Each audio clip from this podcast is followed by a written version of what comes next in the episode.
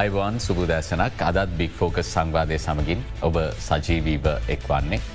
මීට වසරකට පෙර ඉතිහාසය අපි බැලුවොත් වැඩි දුර ඉතිහාසයක් නෙවෙයි අපි වැඩි වශයෙන්ම මේ සංවාධ මණ්ඩපේදී අවධානයට යොමු කරපු මාතෘගාව තමයි කෝවිඩ් වසංගතය කෝමද පාලනය කරන්න කියලා. උද ඒ වෙලාවේ ගෝලිය වසංගතයක් විදිහට මුළුමහත් ලෝකේම ජනජීවිතයට දැඩි ලෙස බලපෑම් එල්ල කරමින් මුළුමහත් ලෝකේම ආර්ථිකයට දැඩි ලෙස බලපෑම් එල්ල කරමින් මේ හදිසි ගෝලීය තත්ත්වය සෞඛ්‍ය තත්ත්වය විශාල තර්චනයක් බවට පත් වනා ලෝකයේ පැවැත්මට. ශ්‍රී ලංකාව තුළත් මේ අභියෝගයට මුහුණදීම ඉතාම වෙහෙසකර කර්තභ්‍යයක් බවට පත් වනා. අපි මේ සංවාදය තුළදීම ඒ සඳහා බග කිවයුතු විශාල කාර්යභාරයක් ඉටු කරන සෞඛ්‍ය බලධහරින් සම්බන්ධ කර ගැනවින් ඔබට ඒ ගැන තොරතුරු ඉදිරිපත් කලා දිනපතම් වගේ ඔබට මතක ඇති. අදත් අපි කතා කරන්න කෝවිඩ් ගැන ඇයි අද අපි කෝවිඩ් ගැන කතා කරන්න කියන කාරණය ගැන ඔබට අනිවාරයෙන් ප්‍රශ්නාර්ථයක් ඇති. ගෝලිය වශයෙන් කෝවිඩ් වසංගතයේ යළි හිසේසවීමක් තියෙන බාද. එය ශ්‍රී ලංකා වගේ රටක් මේ වෙලාවේ කළමනාකරණය කරගත්ත යුත්තේ කොහොමද අපි මේ තර්චනය අපිට විශාල තර්චනයක් වෙන්නට කලින් ගත යුතු ක්‍රියාමාර්ග පියවර මොනවාද. මේ ගැන අද සාකච්ඡා කරන්නට අපි සූදානම් වෙන්න බික්‍පෝක සංවාදය තුළින්. අපි ආරාධනා කලා සෞඛ්‍ය අමාත්‍යංශයේ වසංගත රෝග විද්‍යා ඒකගේ අධ්‍යක්ෂ විශේෂඥ වෛද්‍ය සමිත ගිනිගේ මහත්මයට අයිබෝන් කියල වෛද්‍යතුවන් පිළිගන්න. ඒත් එක්කම කොවිඩ් දහනමේ රෝග පිළිබඳ සෞඛ්‍ය අමාත්‍යංශ ප්‍රධාන සම්බන්ධීකාරක වෛද්‍ය අන්ව හම්දානි මහත්මයවත් අයිබෝන් කියලා පිළිගන්නවා. සමිත ගිනිගේ වෛදතුමනි අපි කලකට පසුව තමයි කෝවිඩ් වසංගතය ගැන මාධ්‍ය තුළ කතා කර නමුත් ඔබතුමල්ලා කරගෙන යන ක්‍රියාදාමය අකණ්ඩව ඉදිරියට යන නිසා තමයි මහිතන අපිට ප්‍රශ්නයක් නැතුව සමාජයේ දෛනික කටයුතු කරගරයන් අවස්ථාව ලැබිලතියෙන් මුලින්ම ගෝලිය තත්ත්වය ගැන අවධානය යොමු කරමු. දැන් මාධ්‍යවාර්තා පල වෙනවා. චීනය සහ ඒ කලාපය තුළ කෝවිඩ් වසංගතය ඉහලයාමක් තියෙනවා. එත් එක මරණ සංඛ්‍යාව ඉහලයාමක් තියෙනවා. අපි අර ඉස්සර හැමදාම කතා කරපු භයානක ප්‍රබේදයක් මතුවමින් තියෙනද මේ කලාපේ මේ වගේ ප්‍රශ්න සාමාන්‍ය ජනතාවන අපිට තියෙනවා. අපි කතාකරොත් ගෝලිය තත්ව මේ වෙදි මොන වගේද.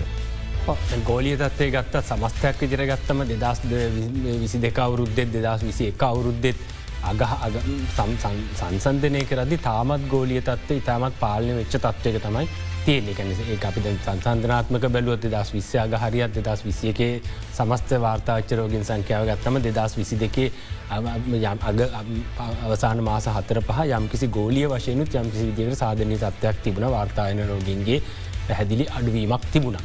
නමුත් වසර අවසානය වෙනකොට මෙයම් වසරේ යම් සුළු වැඩවීමක් දකිනවා නමුත් ඒ වැඩවීම සාපේක්ෂ වැඩීමක් විතරයි මොකද තිබිච තත්වයට වඩා වැඩවීමක් නිසා කරපි නිදස් විසි එක් විස්ස වර්ෂවට සාපේක්ෂ වැඩවීමක් නෙමේ.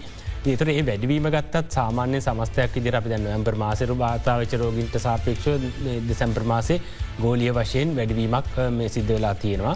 නමුත් ඒ වැඩවීමත් සමස්තයක් විදිර මුළු ලෝක පුරාම හැම මහා ලොක් සෞඛ්‍ය සංවිධාන දත්ත ප්‍රසිදර පත් කරන්න කලා ඒගුල කලාප වශයෙන් එහෙම ගත්තම හැම කලාපයක මේක වැඩවීමක් දකින්නෙත් නෑ වැඩවීම පැහැදිලියම සීමාවෙලා තියෙන ඇමරිකන් මහද්දීප කලාපේටත් ඒවගේ වෙස්ටන් පැසිෆිකන් චීනය ජපානය රටවල් අයිති වෙස්ටන් පැසිෆික් කලාපේ තමයි වැඩවීම පැහැදිලියම තියෙන අනිත් කලාප ගත්තම දෙකන අපි අයිති. දකුණාසියාතික කලාපේ ගත්තත් ෆ්‍රිකන් කලාපේ ගත්ත ජෝපියන් කලාපේ ගත්තත් සාපේක්ෂ අඩුවීමක් තමයි නම්බර් මාසයට සාපේක්ෂව දෙසැම්බර මාසේ දකින ලැබෙන සමස්තයක් ඉදිරගත්තම ගෝලිය තත්වේ සුළු වැඩවීමක් දකිනවා. නමුත් ඒක කලාපවශයෙන් ගත්තව මූලිකම වැඩිවීම සිමලා තියෙන්නේ වෙස්ටන් පැසිවික් කලාපේටත් ඇමරිකන් කලාපේටත් තමයි. මරණ සම්බන්ධයෙන් සමස්තයක් විදිරගත්තම ඒත් අරමංකිවේ අනි පහුග අවුරුත්තක සාපේක්ෂව ගත්තම මේ සාපේක්ෂතාම් පාලන තත්ත්වයක තියෙන්නේ. නමුත් සමස්තයක් ඉදිර නැම්බර් මාසට සාපේක්ෂව දෙසැම්බර් මාසේ ගෝලිය වශයෙන් ගත්තම සුළු අඩුවීමක් තමයි සිර් දෙක අඩුවීමක් තියෙන නමුත් සෑමේ සමහර කලාපවල එක විස්න් පැසිවික් රීජන එක යම් වැඩවීමක් දකින ඇමරිකන් රීජන එක යම් වැඩවීමක් දකින. විශේෂඥ වෛදතුමනි ද වෙස්ටන් පැසිෆික් රීජන එක වැඩවීමක් තියෙනවා කියලා අපි දත්තත් එක කතා කරද්දි තියෙන ප්‍රශ්නය තමයි මේ රෝගය මුලින්ම චීනය වූහන් ප්‍රාන්තයෙන් තමයි ආවේ ඊට පස්සේ තමයි මුළු ලෝකෙරම දර්ශනය බවට පත්වනේ. මේ යම්කිසි තර්චනයක පෙර නිමිතිද පේන්න තියෙන්නේ? අපි වසංගත රෝග විද්‍යාවට අනුව මේ ගැන කතා කරදි මොනවගේ ප්‍රවේශය හිතන්න වසංගතරෝ විද්‍යාව අනුව අද මේ රෝග තත්ව තියෙන පත් අපි දැම් මේ කතා කරන්නට ඕනි. දැන් මීට අවුරු දෙකට හරි අවුරු එක මාර්ගට සබි කතාකරු තත්වේ නෙමේ අද තියෙනකද මීට අවුරුදු එකමාර්ගට ලක් මේ රෝ ගැන කතා කරද තිබන අලුත්ම තත්වයක් මොද අලුතෙම ලෝකට මේ පෑන්ඩමික් පොටන්ශල් ගැන මේ ගෝලිය වසංගතත්වයක් ඇවිල්ල තිබන තොට ඒකට විරුද්ධව කිසිම එන්න තක් තිබනෑ කිසිම ප්‍රතිකාරයක් තිබනෑ තොට එක්ක ස්වභාවික ප්‍රතිශක්තිය තිරින් හොඳ වෙන්න ඕන. එහමනැත නිවාරණ ක්‍රමවේද විතරමයි විකල්ප විදිර තිබුණ. ඒ තත්වනට අද අද ලෝක තත්වය ගත්තම ඉට හොඟක් වෙනස්සේ ගැන්නේ උදාහරණක් විරගත්තම ගෝලිය වශයෙන් මේක විශාල් වශයෙන් එන්නත් කරන වැඩසටහනක් ලෝකය පුරාම ගිහිල්ල තියෙන සමහරටල්ල සමහර කලාපොල එක ඉතාමත් ප්‍රශස්ත මට්ටමක තිබිල තියෙන තුර ගත්තම සමස්ත ජනගහනයෙන් සැලකිය යුතු ප්‍රමාණයකට යන හැම ආකාරක ප්‍රතිශක්තියක් තියෙනවා. ඇද ඊට අමතරව බිලියන ගානකට මේ රෝගේ වැලඳිල ස්වභාවික ප්‍රතිශක්තියකුත් මේකට ඇති වෙලා තියෙනති අදගත්තම අපි මේ තත්වය දිහා බලන්නට ඕනේ. ඒත් ඒ මට්ටම ඉඳගෙන. තියතකොට අපට ගැන සංගත වේදයන්ම අපට මේ ජිය විද්‍යාත්මක දෙවල්ලට අපට පහසුවී නම තව ගැන විද්‍යාත්මක පදනමක් අනුවගත්තොත් අර විදිහයට මොන ප්‍රබේදයක් ආවත් පැතිරීමක් ඇතිවෙන්න අඩු වැඩිවීම් වෙන්න පුළුවන්. නමුත් අර ඒක මුල්ලවදිය තිබිච්ච මට්ටමට පැතිරීමක් බලාපොරත්තු වෙන්න හැකියාවක් නැහැමකද අනිවාරෙන්ම එන්නත් කරන වැඩසරහන ඒක අඩු වැඩි වශයෙන් එන්නත් කරන අඩු ප්‍රදේශවලට එක වැලපෑම වැඩිවෙන්න පුළාද හොඳ එන්න ප්‍රශස්ත එන්නත් කරන මට්ටමක් තියෙන ටල්ලට මේක බලපෑම බලපැම නැහැ කියන්න බෑ. බලපෑම තියෙන පුළුවන්. නමුත් මේ අර උග්‍ර බලපෑමක් නැති මට්ටමකින් පවත්තාගන්න පුළන් කියලා බලාපොරොත්තු වෙන්න පුළන් තියෙන තත්වයන් එක බලද්දී. අම්දානි වෛදතුමා දැන් මං පූර්විකාවත් කිව්වා අපි කෝවිඩ් ගැන කතා කිරීම අඩු කරලා වෙන තියෙන ආර්ථික අර්බුදයයි මේ ගොඩක් ප්‍රශ්ය ගැන කතා කරම හිටියට ඔබතුමාලා මේ ක්‍රියන්විතය දිගටම ඉන්නවා කියලා. මං කැමති පොඩක් පැහැදිලි කරගන්න දැන් රෝහල් ගතවී මඩු වෙලා තිබුණත් වාර්තාාවෙන රෝගින් සංඛ්‍ය වඩු වෙලා තිබුණත් ශ්‍රී ලංකාව තුළ යළිත් කෝවිඩ් අවධානමක් නොයෙන්න්නට එය තර්චනාත්මක තැනකට නොයන්නට සෞඛ්‍ය අමාත්‍යංශය විදියට මොන වගේ පියවරද ගනිමින් සිටින මේ අවස්ථාව. මදන මයි සූතිවන්තෙන් ඕන කලින්ඳ මේ අවස්ථාව ලබාදීම් පිළිබඳව ඉතින් අපි මුලේඳලම කතා කරම අපි මේක මේ විදියට නිර්වශනය කරොත්යම අපි අද මෙතනල කතා කරන්න අද මේ සමාජයේ ජනජීවිතය සාමාන්‍ය ආකාරයට කරගෙන යන්න පුළුවන් වෙලා තියෙන්නේ. අපි පාසල් ටික විවෘත්ත වෙනවා මිනිසු සාමාන්‍ය තමන්ගේ දැනි කටයුතුළද නියදෙනවා රැකී රක්ෂාවලට යනවා ඒ සියලූම කටයුතු කරන්න පුළුවන් වෙලා තියෙන්නේ අපි අර වෛද්‍ය සමිත ගිනිගේ මහත්මය කිව්ව වගේ අපි දැ අවුරුදු එක හමාරත් දෙකත් තිස්සේ කරගෙන අපපු ක්‍රියාදාමය හරා. ඒ ඒ ක්‍රියාදාමය අපිට කරගන්න පුළුවන් වෙන්ඩ පුළුවන් වුණේ ඇත්තටම සියලු දෙනාගෙම මහන්සිහා කැපවීම රහා. ඔද වගකීම පුද්ගල වගකීමක ඉඳලා පටන්ගෙන සමාජ වගකීම හා ආයතනක රජයක් වශයෙන් සියලූම වගකී මේ ආකාරයෙන් දරපු හින්ද තමයි අපි අද මේ තත්ත්වයෙන් ඉන්න.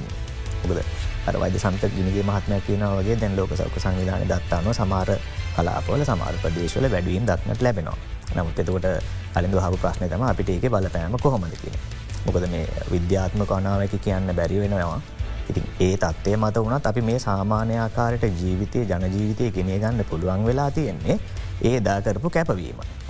එතට ඒකට මූලික වෙච්ච සිද්ධාන්තහා කාරණා කීපයක් තිබුණ. දැන් කෙලින්ම ප්‍රශ්නයට උත්තරයක් හැරට කියනවනම් පහුගිය දවස් අපගේ සුමාන දෙක ගමක පෞද්ග්‍ය සුමාන දෙකවල දෙක තුළ රෝගීන් ඇත්තන මරණ තුනයි අපිට වාර්තා වෙලා තියෙන්නේ ඒත් යම් යම් සංකූලතා තිබෙන රෝගීන් දැන් අපි ඕක ගත්තම දිගටම සංකුලතාර තිබෙන රෝගීන් තමයි ඇත්තටම අවධානමට භාජනය වෙන්න වැඩිපුර. ඒවගේම රෝහල් ගතවීමල ගත්තම ඇත්තටම අපේ දැන් දීලා තියෙන උපදෙස් අනුව සෞඛ්‍ය අමාත්‍යංශය වශයෙන් ලෝක සෞඛ්‍ය සංවිධානය වශයෙන් නිර් නායක දීලා තියෙන උපදෙස් අනුව හැම්බෙලේම ඔබට යම්කිසි රෝග ලක්ෂණ තියෙනවා නම්. ඔබට රෝග ලක්ෂණයක් පෙන්නුම් කරනවා නම් ළඟ මැති වෛද්‍යවරගෙන් වෛද්‍ය උපදෙස් ලබාගන්න ස්තරෝම. රෝහල්ගත වෙන්න ඕනෙද නැද නැද්ද මොකද අපි අපි දැ පෞගේ අවුරුදු අවුරුද්ධකට විතර කලින් ඉඳලා අපි අපේ ක්‍රමවේදයන් වෙනස් ව්‍යාවනේ එකට නිවස් නිවෙස්ගත නිරෝධයන් ඇත නිවෙස්ගත ප්‍රතිකාර ක්‍රමය රට අඳුන්වා දීමත් සමගම එතකොට ඒ අදාළ වෛද්‍ය උපදෙස් මත තමයි රෝහල් ගත වෙන්න. එතරේ වෛද්‍ය උපදෙස් අනුව රෝහල් ගත වෙන ප්‍රමාණය හැම්බෙලීම පහක් හතක් අතර ප්‍රමාණයක් තමයි තින් ඒ සංකුලතාවයන් තියෙන රෝගිය.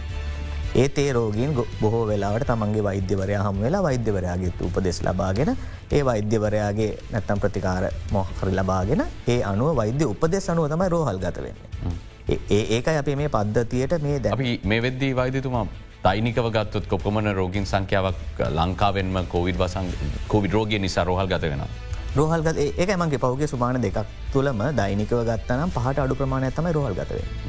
දැන් අපි විශාල අස්වැසිල්ලක් අපි වාර්තා කර අනි අනිවාරෙන් කල්ද මතකතියා ගණ්ඩෝන කාලයක් තිබුණා කාලයක් තිබුණා රෝහල් ගත වන ප්‍රමාණය. දාහ පැනපු දව අවස්ථාව අපි ගීල කලබෝවිල රෝහලේම රූගත කල පෙන්වා බිමත් කරලා පෙන්වා ඉතින් මොකද ඒ ඒ ඒ එතනින් අපි ඔබ්බට ඇවිල්ලා එතනින් ඉස්සරහට ඇවිල්ල ඒ අපි නිසි ක්‍රමවේදයක් අනුගමනය කරගෙන රජය සෞඛ්‍ය අමාත්‍යංශය හා නිකුත් ආයතනෙක් එකතු වෙලා කරගත්ත නිසි ක්‍රමවේදය අනුගමනය කරගෙන අවශ්‍ය කළමනා කරණය සිදු කරගත්ත හිද තමයි කලින්ඳු මෙතන ඉන්න අපි.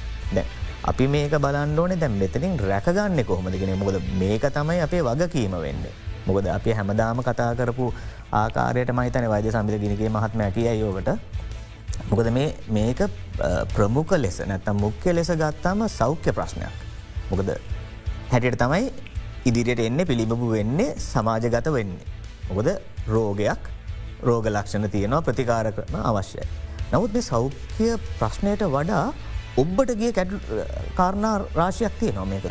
මොකද සමාජයමය සංස්කෘතිකමය ආර්ථිකමය මොකද මේ අනෙක් රෝගයක් වගේ නෙවෙන දැන් කැන එක පවුලකට එක්නෙකට හැදුන මේ ගෝලිය වසංගත. එක්නව හැදුන ඒ පවුලට විතර ඒක බර තියෙන නැත ඒ පවුලේ ආර්ථිකය දරන්නාට විතර ඒ බර එන්නේ. නැතං සෞඛ්‍ය අමාත්‍යංශ රජයකට විතරයි බර එන්නේ. එක්කෙනෙක් ගැන විතරයි ප්‍රශ්න තියන්නේ කියන කාරණාව නෙවෙයින. මෙ සමස්තයක් සමාජයක් හැට පැතින්නද. ඒකද මේ තැනට අපි ආවේ ඔයටික ඔක්කොම රැකගෙන. ඉතින් අපේ ඉදිරියුතුකම තමයි මේකෙන් ආරක්ෂා වෙන්න කොහොමද? මේකෙන් ආරක්ෂා කරගෙන අපි කොහොමද ඉදිරිට යන්න කියන. අනිවාරයම් මදැන් ශ්‍රී ලාංකිකයන් විදිර මේ සෞඛ්‍ය ගැටලුව අපිට ඇතිකරපු අවශේෂ ගැටලු ගැන ආර්ථික ගැටලුව ගැන අපි ශ්‍රී ලාංකිකයන් විදිර මේ වෙද විදිමින් සිටිනවා. නිසා මේ රෝගී තත්වය පාලනය කරගෙන ඉදිරිට යම කොයි තරම් බැදගත කියනෙක් ගැන අමුතුවෙන් පැහැදිලි කරන්නට අවශ්‍ය නෑ ශ්‍රී ලාංකි ගැන විශේෂෙන්ම. විශේෂඥ වෛදතුමනි දැන් අපි මේ රෝගය මර්ධනය කිරීමේදී ගත්ත ප්‍රශස්තම ක්‍රියාමාර්ගයක් තමයි ලෝකයේ පෙරමුණේ ඉන්න එන්නත් කරනය හිටපු රටක් බවට අපි පත් වනා. විශේෂම ජාත්‍යන්තර සහයත් එක්ක. ඒ හර අපිට පුළුවන් වුණා මෙහිතියෙන් අවධානම හැකික්මනින් අවම කරන්න. මේ වෙද්දී පුරවැසියන්ගේ එන්නත් කරනේ දත්ත සහ ඒ ඒ තත්වයට අවධානයමු කරදදි සෑහිමකට පත්වෙන පුළුවන්ද ශ්‍රී ලංකායි පුරවැසියන් සියලුම මාත්‍රා මේ එන්නතයේ ලබාගෙන තියෙන තත්ත්වය පිළිබඳව. මත ඇතර සමස්තයක් විරගත්තම ගෝලිය තත්වයන්ත එක් ගත්තමට සෑහමට පත්වන පුළුවන්. ඇතර අපේ ලොකුම මේ සම සාධකය තමයි අප මේ පාලන තත්වරෙන්න්න සාධ කී පැත්තිනම් එකක් තමයි ප්‍රශස්තය එන්නත් කරන වැඩස ඩහන දැන් ඒක අපිට හොඳටම තේරනවා. අපි දැ උදහරන කර අපි ගත්තොත් එක එක කාලවල් වල මේ රෝග පාලනය කරප හැටිගත්තම දැ මේක සමස්තයක් විදිර ගත්තම අපට මේ තියන්නේ එක කාලවල. එක උදහරනක් විදිට අපිට මේ තියන්නේ අපි හැමෝම අමතක නැති දෙදස් විසියක සිංහල වරුද්ධත් එක් අප ලොකුම ලස්තය එක. තම අලුත් අවුදු පොකුර. අවුදු පොකුර. එක ඒ විශාල බල පැහමක් හැම පැත්තකන ඇති වුණ. නම ඒවෙනකට අපට එන්න තත්ති බුන්න අප එන්න තාව විතර. එතකොට අප ඒ පොකුර එනකොට අප එන්නත් කරන තිබුණ සියට හතරක් පලව මාත්‍රක් විතරත් දිල තිබ සියට හතරක් විතර. ඇස්ටසනක බොද ඉතාම සීමිත ප්‍රමාණයක් අප රටක් විතර ලැබුණි. නමුද ඒක යම් විසි විදිකට පාලනය වෙලා ගැන අඩුවල යම් විදිකට අඩුනත් එක උපරම විදිට අඩුවීමක් තිබුණ නැහැ. දෛනිකව රෝගීන් මේ මේ හත්තරසියක් වාර්තා වෙන මට මක් තිබුණ. එතර ඊට පස්සේ තම අපි එන්නත් කරනට සහන මැයි මාසිනන් දෙදස් විසියකේ මේ වැඩි කරන. එතර ගෝලිය තත්වයක් කියන ඩෙල්ට ප්‍රබේදේ ඒ අපි කාටත් වලක් වන්න බෑ දෙල්ට ප්‍රබේද තාමත් සීග්‍රය වැඩියෙන් දෛනික අපේ රෝගීන් සංඛ්‍යාව පන්දහ ඉක්මෝපු දවස් අපට වාර්තා වෙන ඊට සාපේක්ෂ මරණත් හැමතිස්සම වැඩවීමක් සිද්ධ වුණ. නමුත් අපි රටක් විදිට මෙත්න දිකරපු දේ තමයි එන්නත් කරන වැඩසටහන වේගවත් කරන අපට එන්නත් ලැබුණ චීන සයින පාම් එන්නත් ඒකත් එක්ක දවසකට මිලියන දක්ෂ පහ අන්නත් කරපු දින තියෙනවා. එකන ඒ කාලය ඇතුළත අපි කර ඒක. මොද ඒ කාලය ඇතුළත ලෝක දත්වයන් අන්ම ශ්‍රී ලංකාව වර්ගි කරණය වෙනවා. ලෝකයේ වැඩිම එන්නත් වාර්ග රේට් එක. ජනගහන්ට සාපේක්ෂ සීයකට සාපේක්ෂ වෙන්නත් වැඩියම්ම දීපු රට හැටියට දින තුනක් ලෝක වැඩිම එන්නත් කර මේ රේට් එකක්. ඇනවා වේගයක් වාර්තාකර රට හැට ශ්‍රී ලංකාව වාර්තාාවන හම තත්වයක් තුළතම අපට මේ දෙල්ට ප්‍රබේද බලපෑම අනිතරටවලට සාපේක්ෂ ඔොල දැකි නැති මේක සාපේක්ෂ මේක මේ මහත අඩුයි. එකන තමත් කෙටි කලක් තුළ අපි මේක පාලනය කරනමකද ඒ එන්නත් එන්නත් කරන වැටසටහන් මුකද මේ වෙනකොට අපි දෙදස් විසික සැත්තැම්පරිතර වෙනකොට අපි අපේ ජනගහනය සමස්ත ජනගානයෙන් සියට පනස් ගානකට එන්නත් කරන දීලා මාත්‍රා දෙකම දීලා ඉවර එත ඒක ප්‍රතිඵලයක් හැට අපට මේ ඔක්තෝම්බර් මාසන දෙසැම්බර් ජනවාරි මාසයනක මාස හතරක් හයිසියක විතර මට්ටමක පාලනය කරගන්න පුළුවන් වෙන. ඊට පස ආය ලෝකට බලපෑමක් කෙන ඔමික්‍රෝන් ප්‍රබේද. ද ඔමික්‍රෝන් ප්‍රබේදයනකට අපි ප්‍රශස්ත මට්ටමට වෙන්නත් කරන කරලා ජනතාවගේ සියට හැත්ත හයක් සමස්ත ජනගහනය පලවමාත්‍ර දෙවන අපි ඒමද බූෂ්ට මාත්‍රාවකුත් පටන්ගර සියට විසිහතරක් බෂ්ට මාත්‍රාවත් සමස්ත ජනගහනයෙන් අරගෙන තියෙන. ඒක තුළ තම ඔමික්‍රෝන් ප්‍රබේදය බලපැමිත අපි දැක්ක ලෝක බලවත් රටාල්ලට බලවත් සෞඛ්‍ය පද්ධතිට දරාගන්න බැරි මට්ටමක් එන තත්වක ඔමික්‍රෝන්ල බල අපේ රොහල් පද්ධට බල දැනුව තත්වකවත් බලපෑමක් කාවෙන මේක එන්නේ දෙදස් විසි දෙකේ ජනවාරි ෆෙබ්‍රවාරි අතර. නම රෝහල් පද්ධට බලපෑමක් කාවෙන මකද රෝග වැලදුන රෝගින් සංඛ්‍යාව සාපේක්ෂ වැඩියන රොහල් මද මද රෝග ලක්ෂණ. ඒක හින්ද තමයි අපේ එන්නත් මේක ඇත්තර මේකට එන්නත් කරන වැඩසට හනේ සාර්ථක ප්‍රතිපලතමයි මේ පිළිබිබුණ ඒක හින්ද රෝගීන් තිබුණට අසාධ්‍යතත්ව මරණ සම විශාල වැඩීමක් සිද්ධ වෙන නැහැ. එතන ඉදන් අපිට ඒ තත්ත්වය ඇතනමකන මුල අවුද්ධ පුරාම අප්‍රියල් මේ මාර්තු අප්‍රියල් මුල අවුද්ධ පුරාම දෙදස් විසි දෙක ඉතාමත් හොඳර පවත්තකන යන්න පුළාගෙන ත අපි දන්න ලෝක ආය අනු ප්‍රවේදයක් කියනවා අගෝස්තු ඔමික්‍රෝන්වලම අගෝස්තු මාසේ මේ හතර පහ බිය හත් පෝෆයි් කියන එක ඒක සුළු බලපෑමක් කල සුළුවශයෙන් වැඩියන සමස්තයක් විදිට අපි මුල අවුද්ධ පුරාම ඊට පස්සේ පහුගේ මාස පහක් විතර සමස්ත රෝගින් සංඛ්‍යාව හතරක් පහක්වාත් මෙසොට විස්සකට අඩුවෙන් දෛනික රෝගින් සංඛ්‍යාවක් වාර්තාාවෙන මට්ටමක පවත්වාගෙන යනක මේ ඔක්කොම මූලික කැන එන්නත් කරන විතරක් ඉද වනා කියනක නෙම කියන්නේ. එන්නත් කරනය විශාලශයෙන් බලපෑව මේ තත්වට එන්න. අන්වර හම්දාන වෛදිතුවන දැන් බොහෝ දෙනෙක් මාත්‍රා දෙක ලබා ගත්තා. මොකදේ වෙලාවේ තිබ්බ ප්‍රශ්නෙත් එක්ක තිබ්බ ජනතාවට සෞඛ්‍ය ගැටලුව ඒ බියත් එක්ක. ගිහිල්ලා කනස්සල්ලෙන් හරි දෙගිඩියාවකින් හරි එන්නද ගහගන සිද්ධ වුණා.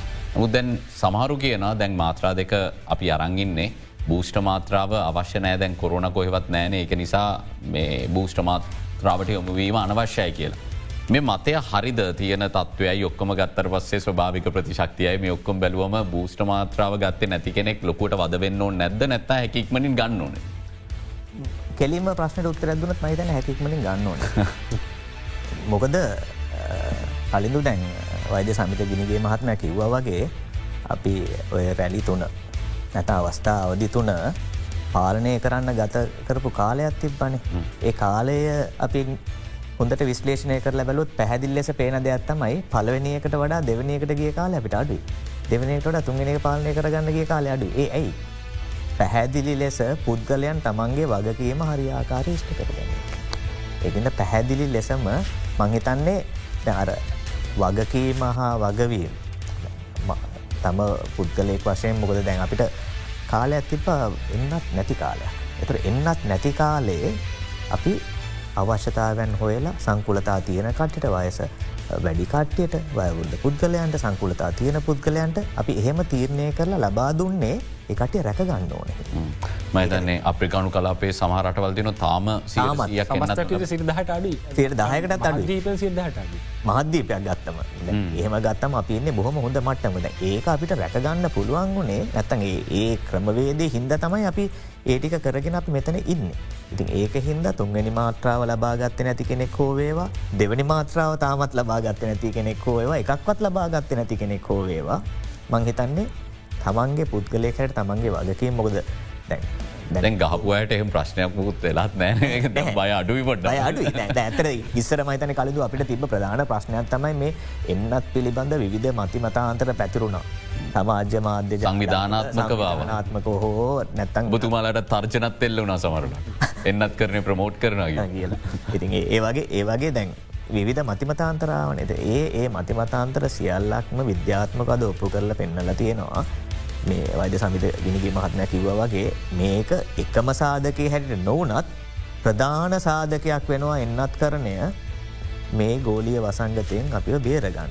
ඉතින් ඒ ගෝලිය වසංගතය ඔය තාමත් අපිට අවධානව කැන ගෝලිය වශයෙන් අවධානමක් නැහැ කියන එක තාමත් අපි කාටුවත් කියන්න බැරිවෙනවා මුොද යම් යම් කලාපොල ඉස්මතු වෙනවා. දෙ ඒ ඉස්මතු වෙන ටිකයින් අපි මේ බේරිල්ලා ඉන්න කොහොමද කියන එකන අපි බලන්නේ එතුර අපි බේරිලා ඉන්න අපිට ප්‍රධාන ලෙසම අපිට ප්‍රධාන ලෙසම වෙච්ච රුකුලක් හා සාධකයක් තමයි අපේ මේ එන්නත් කරන වැඩ පිළිවල මොකද ඒක ප්‍රශස්ත එන්නත් කරන වැඩ පිළිවෙලා කැටන ගෙනනිච්ච බොද බොහොම කෙටි කාලයක් තුළ අපි උපරිම දායකත්වයක් දරලා සියලූම සෞඛ්‍ය සේවකයන්. බිම්මට්ට මේ ඉඳලා සියලූම තරාතිරම් වලට යනකම්ම සියලුම සෞඛ්‍ය සේවකයන්ගේ කැපවීම අරහා තමයි අපි මේ අර වෛද සමිත ගිනිගේ මහත්තැකව වගේ අර පලවෙනි අවස්ථාවට ගිය කාලට දෙවනි අවස්ථාවට ගේ කාල අඩුනේ තුන්ගෙන අවස්ථාට ගිය කාල ඊටත් වඩ අඩුනේ ඒ දේවල් එහෙම වෙන්න හේතුව මහිතනය එන්නත් කරනය තිබ සාර්ථකත්වය හර. දැන් එන්නත ලබාගත්තේ නැති කෙනෙක්ට ඇවිල් එන්නත ලබාගන්න අපි සතුව ඇතිවෙන්න එන්නත් තියෙනවාද. මත බයි සබ ගිනිගේ මහත්මය ගැන පැහදිලෙසම කිය ඇති තරන් තියෙනවන්න ඔබතුම පැදිලි කරන්න පැහදිල ගත ඒක අපට කියන්තින පනි විඩියමකද ඇතරාදම අපි කිව්වාගේ අපි දැම්ම ප්‍රශස්ත මට්ටමකට මේක පාලනය කරගන්න ලොකුම රුකුල තම හොඳ එන්නත් කරන වැඩසටාන්.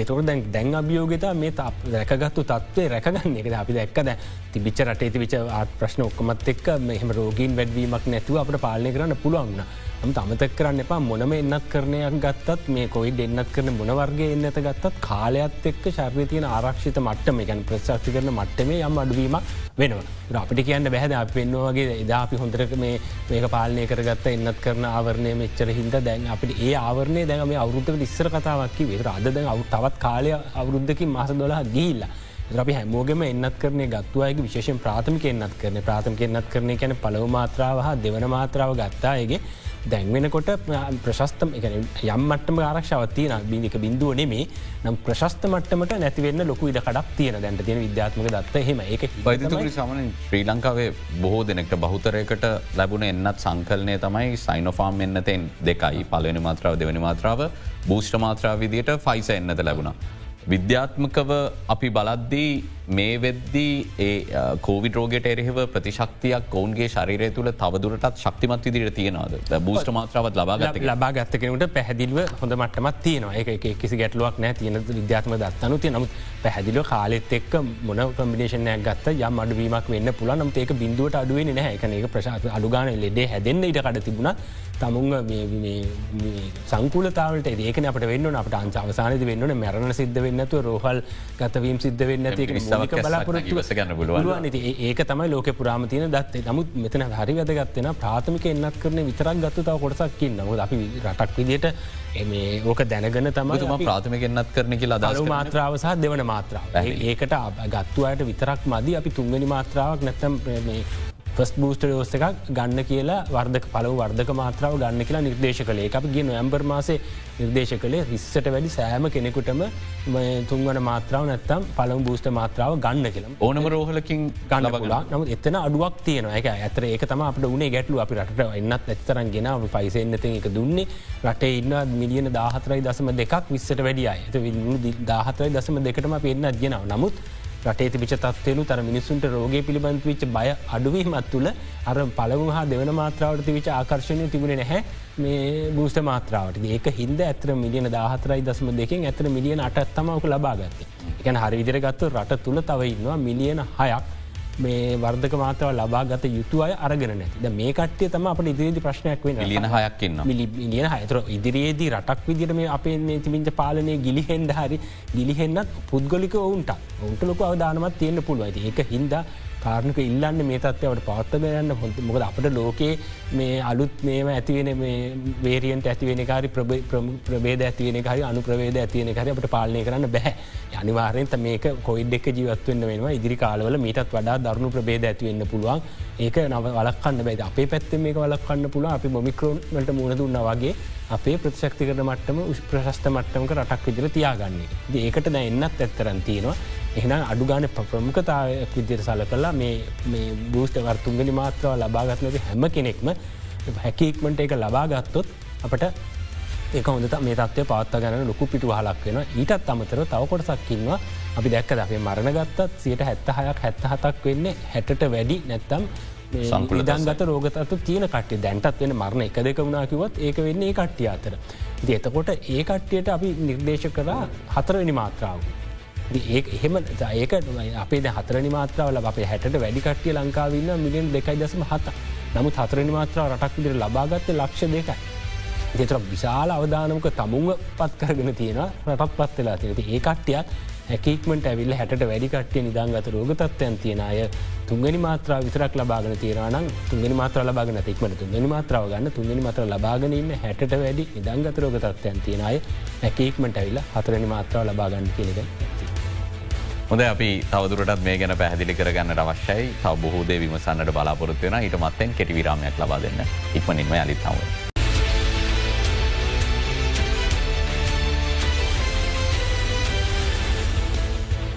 ඔබ යළිත් බික් ෆෝගස් සමගින් අපි කෝවිඩ් ව්‍යාප්තියේ ගෝලිය තත්ත්වය සම්බන්ධයෙන් සාකච්ඡා කරමින් සිරින්නේ.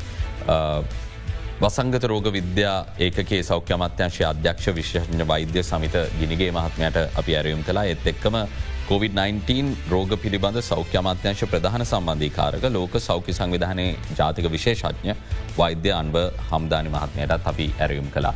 අපි මුල් අවස්සාවේ සාකච්ඡා කරමින් සිටියේ එන්නත් කරනේ වැදගත්කම් මොකද? එන්නත් ඕනෑ තරම් ශ්‍රී ලංකාව සතුව තියෙනවා. තවමත් මිලියන හයක් ලංකාවේ බූෂ්ට මාත්‍රාව ලබාගෙන් නැහැ කියන දත්වය අපි අද ඔබට ඉදිරිපත් කලා. එනිසා හැකික්මනින් එන්න කියන ආරාධනාව තමයි විශේෂඥ වෛද්‍යතුමන් සිදු කළේ ඉදිරියේදී එන්න තර්ජනාත්මක තත්වකට මුහුණ දෙන්න පුරවැසියන් විදිට අපිට කළ හැකි වගකීම එයයි. විශේෂඥ වෛදතුමනි ගෝලිය තත්වය ගැන කතා කරද ඔමික්‍රෝන් ප්‍රබේදේ අනු ප්‍රබේදයක් ගැන මේ වෙද්දී කතාවහක් නිර්මාණය වෙලා තින අපි ජාත්‍යන්තර මාධ්‍ය පරීක්ෂා කරද්දි. BF7 කියන ප්‍රබේදය. දැන් චීනයෙන් මුලින්ම වාර්තාවෙච්ච මේ ප්‍රබේදය චීනයේ රෝහල් ගතවීම් සහ මරණ ඉහල දැම්ම කියන කාරණය මාධ්‍යවාර්තා කරනවා. ඊට අමතරව ඉන්දියාවෙන් දැන් BF7 ප්‍රබේදය ආසාධිත රෝගීන් හමු වෙලා ඉන්න කියලා වාර්තා වෙනවා. මේ ප්‍රබේදය මොන වගේ තත්ත්වයක තියෙන ප්‍රබේදයක්ද අපි කියන වේරියන්ට කන්සන් කියලා හඳුනා ගත වේරියන් ඒ තත්වේ තියෙන එකක්.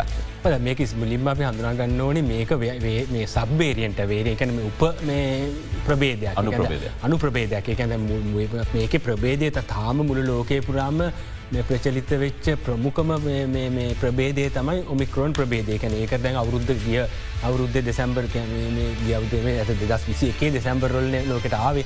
ඇත්තර තාමත් ප්‍රමුකෝම ඉතාමත් ලෝකය පුරාම පැතිරීම ප්‍රමුඛ ප්‍රබේදය තම ඔමික්‍රෝන්. ඇතුම ඔමික්‍රෝන් කියන ප්‍රබේදයම එක අනු ප්‍රබේද විශාල් ප්‍රමාණයක් ගැන සිය ගානක් අනු ප්‍රබේද එක කාලවල එක රටල්වල එක මටම මතු වෙලා තියෙනති ඒ වගේ අද චීන ඔය වාර්තාාවෙන BF7 කියන එක මේ ඔමික්‍රෝන් ප්‍රබේදයට අයිති අනු ප්‍රබේදයක්.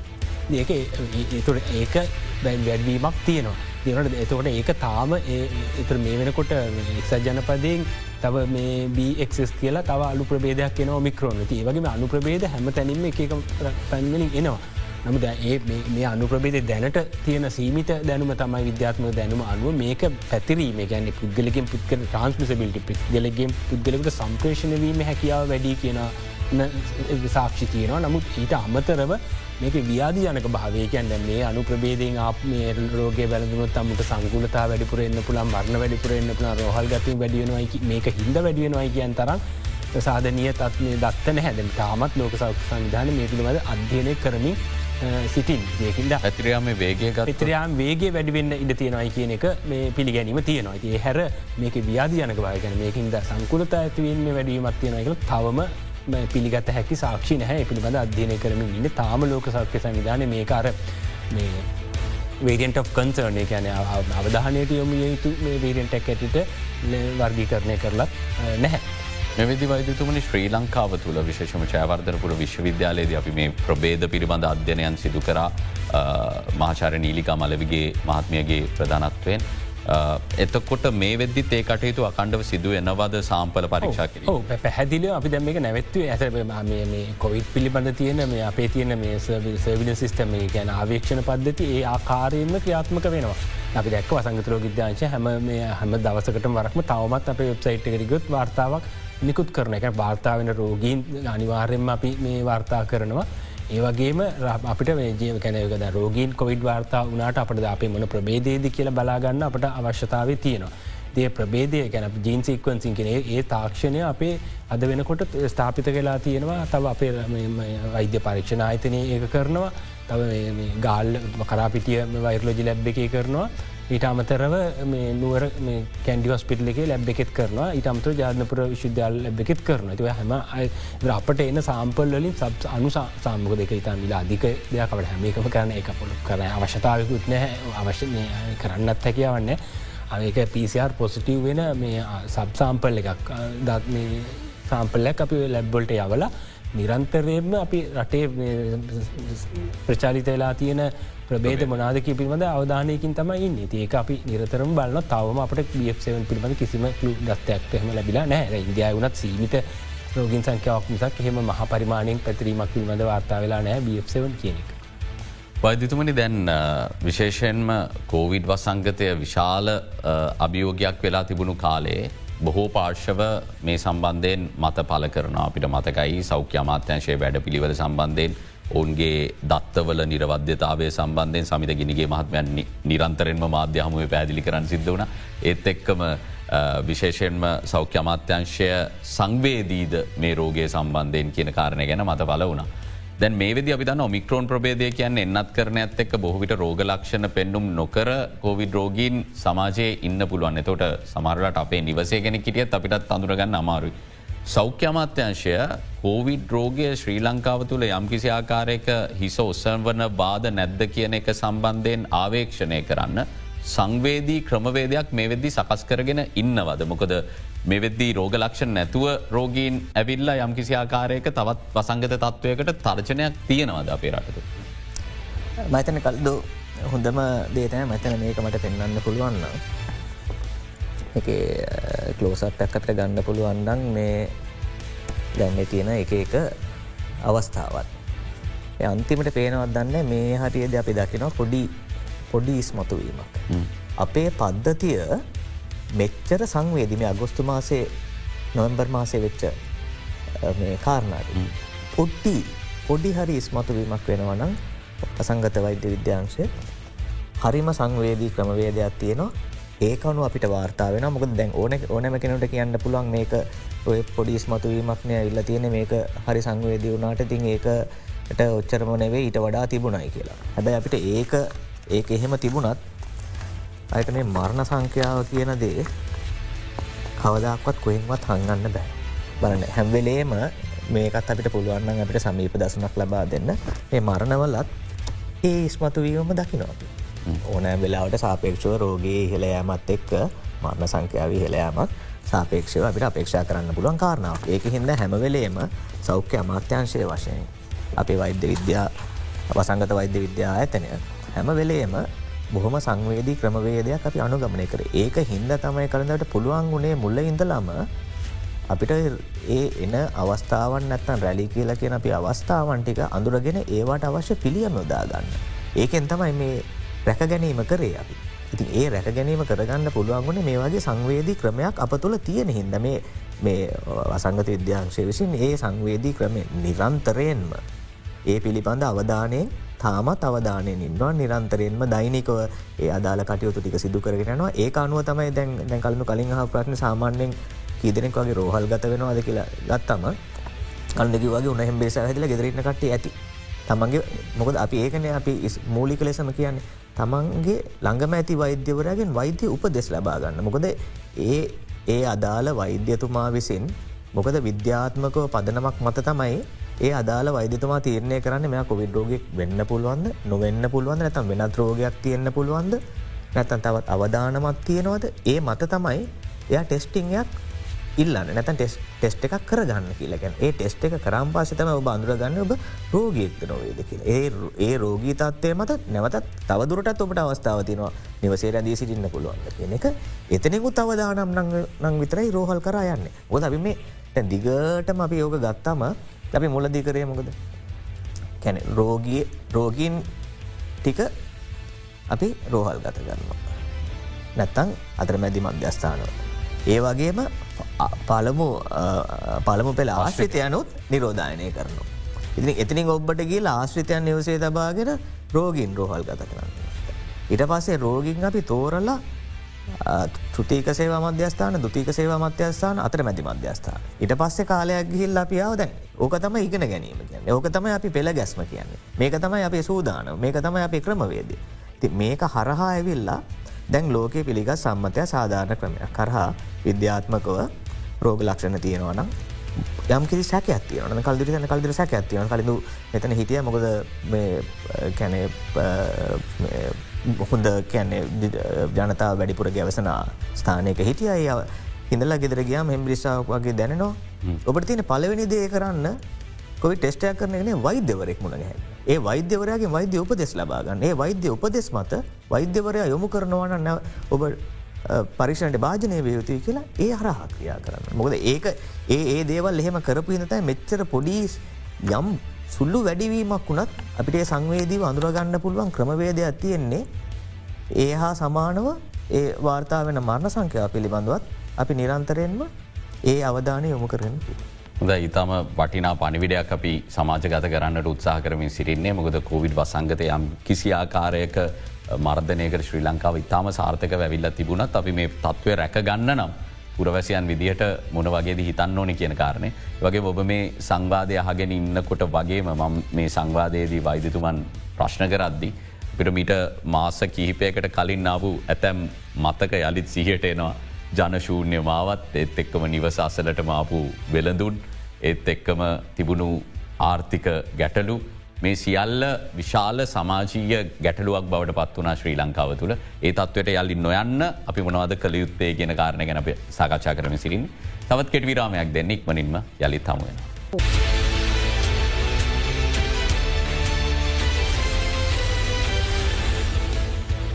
යළිත් බික් ෆෝකස් සමගින් වෛද්‍ය අන්ව හම්දානී මහත්මෑරමයි යොමුවෙන්නේ විරාමෙන් අනතුරුව දැන් අපි කොවිඩ් වසංගතයේ වර්තමාන ගෝලිය තත්වය ගැන යම් කිසි අවබෝධයක් ලබාගත්ත ශ්‍රී ලංකාව කොයිතරම් සූදානම්ද කියන ගැන කතා කලා.